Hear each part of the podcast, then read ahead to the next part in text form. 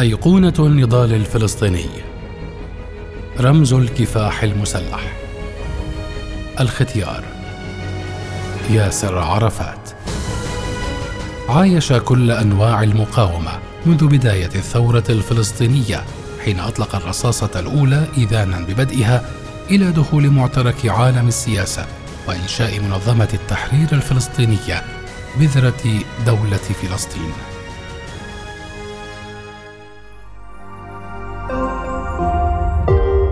بودكاست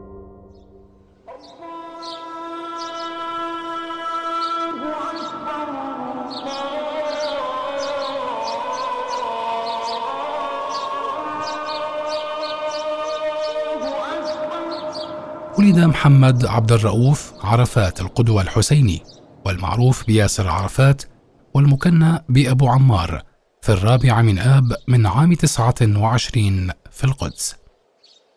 اسمه الحركي ياسر. أطلقه على نفسه تيمنا بالصحابي عمار بن ياسر. قضى عرفات طفولته على بعد خطوات من حائط البراق حيث كان يتابع الانتفاضات الدموية إبان الانتداب البريطاني. فترة مراهقته لم تكن كسائر أقرانه بل كان مولعا بالسياسة والشؤون العسكرية يشغله احتلال الاستعمار للعالم العربي. انخرط في شبابه في الحركة الوطنية الفلسطينية من خلال الانضمام إلى اتحاد طلاب فلسطين عام 44 ليتولى رئاسته لاحقا بعد نكبة عام 48 انتقل مع عائلته إلى غزة التي كانت تحت الإدارة المصرية ما ساعده على الوصول إلى القاهرة والدراسة في كلية الهندسة في جامعة الملك فؤاد الأول وهي جامعة القاهرة الآن. من خلال قيادته لاتحاد الطلبة أثبت عرفات أنه يمتلك جميع مقومات القائد ومواهبه والقدرة على فرض هيمنته على الآخرين. التحق بالضباط الاحتياط للجيش المصري ليقاتل في صفوفه ضد العدوان الثلاثي على مصر عام 56 وليتخرج مهندسا في نفس العام. إلا أنه بعد تخرجه فقد قيادته لاتحاد الطلبة الذي كان غطاء لعمله السياسي، لكنه سرعان ما وجد غطاء جديدا إذ أنشأ ما سماه جمعية اتحاد الخريجين الفلسطينية والتي كانت سبيله إلى الاتصال بخريجي فلسطين خارج مصر. حضر خليل الوزير أبو جهاد إلى القاهرة عام 56 لإكمال تعليمه، وبدأ التحرك مع عرفات باتجاه تشكيل حركة فلسطينية مستقلة ليضعا معا المبادئ الأولية لحركة فتح.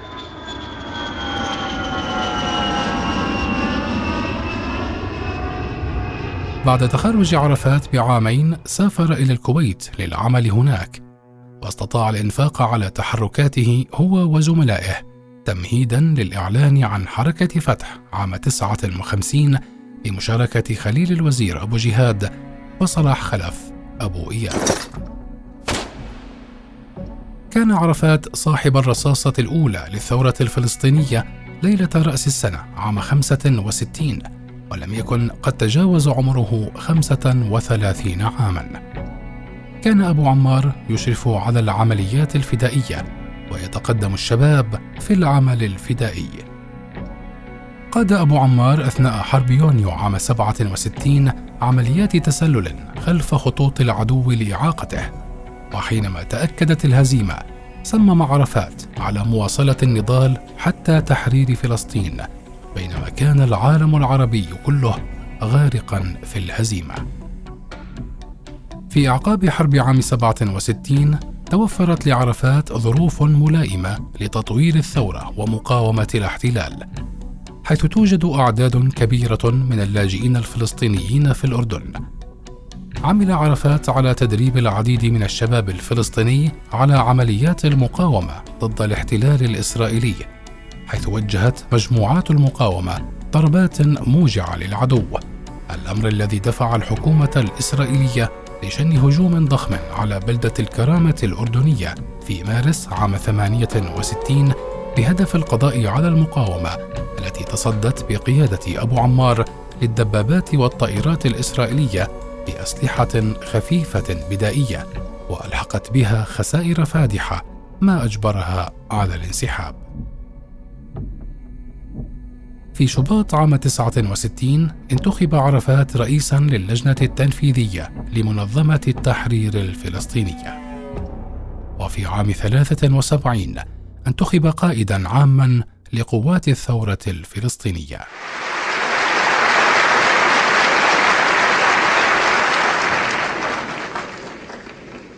فهل لي فهل لي أن أعبر عن ترحيبنا الحار لرئيس منظمة التحرير الفلسطينية؟ اليوم هو الثالث عشر من شهر تشرين الثاني عام أربعة وسبعين.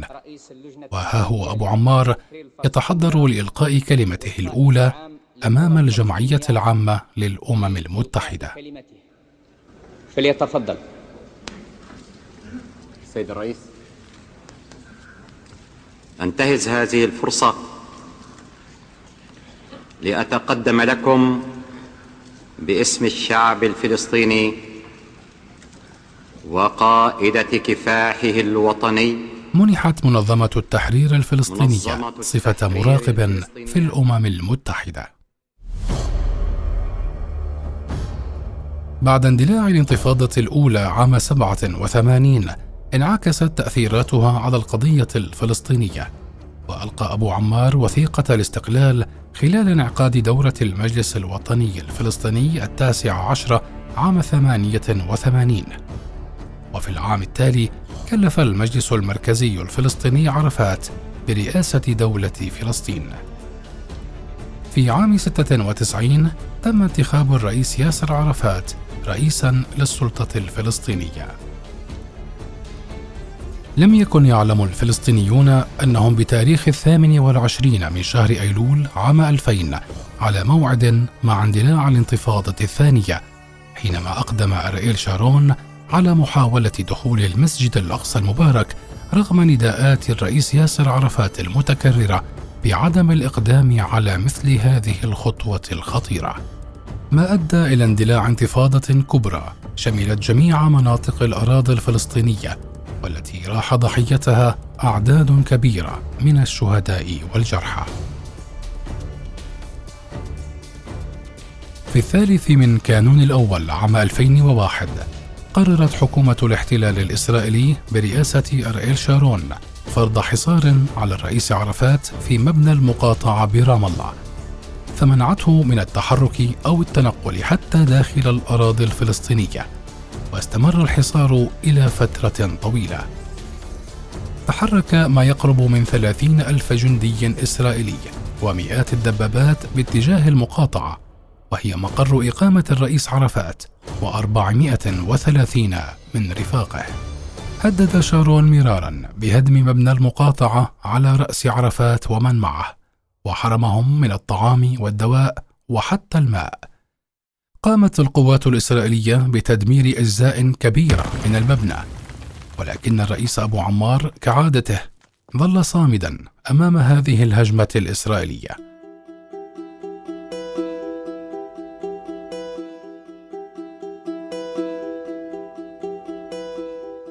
استمر الحال حتى ساءت صحة الرئيس ياسر عرفات. رأى الأطباء ضرورة نقله إلى باريس للعلاج. غادر يوم التاسع والعشرين من تشرين الأول عام 2004 إلى العاصمة الفرنسية حيث أجريت له العديد من الفحوصات الطبية ولكن إرادة الله نفذت.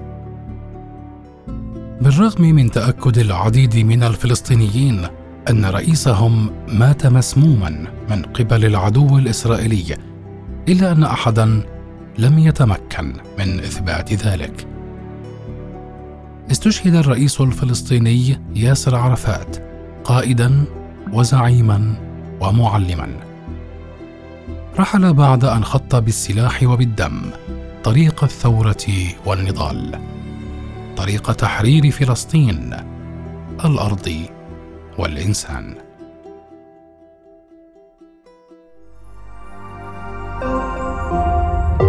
رؤيا بودكاست.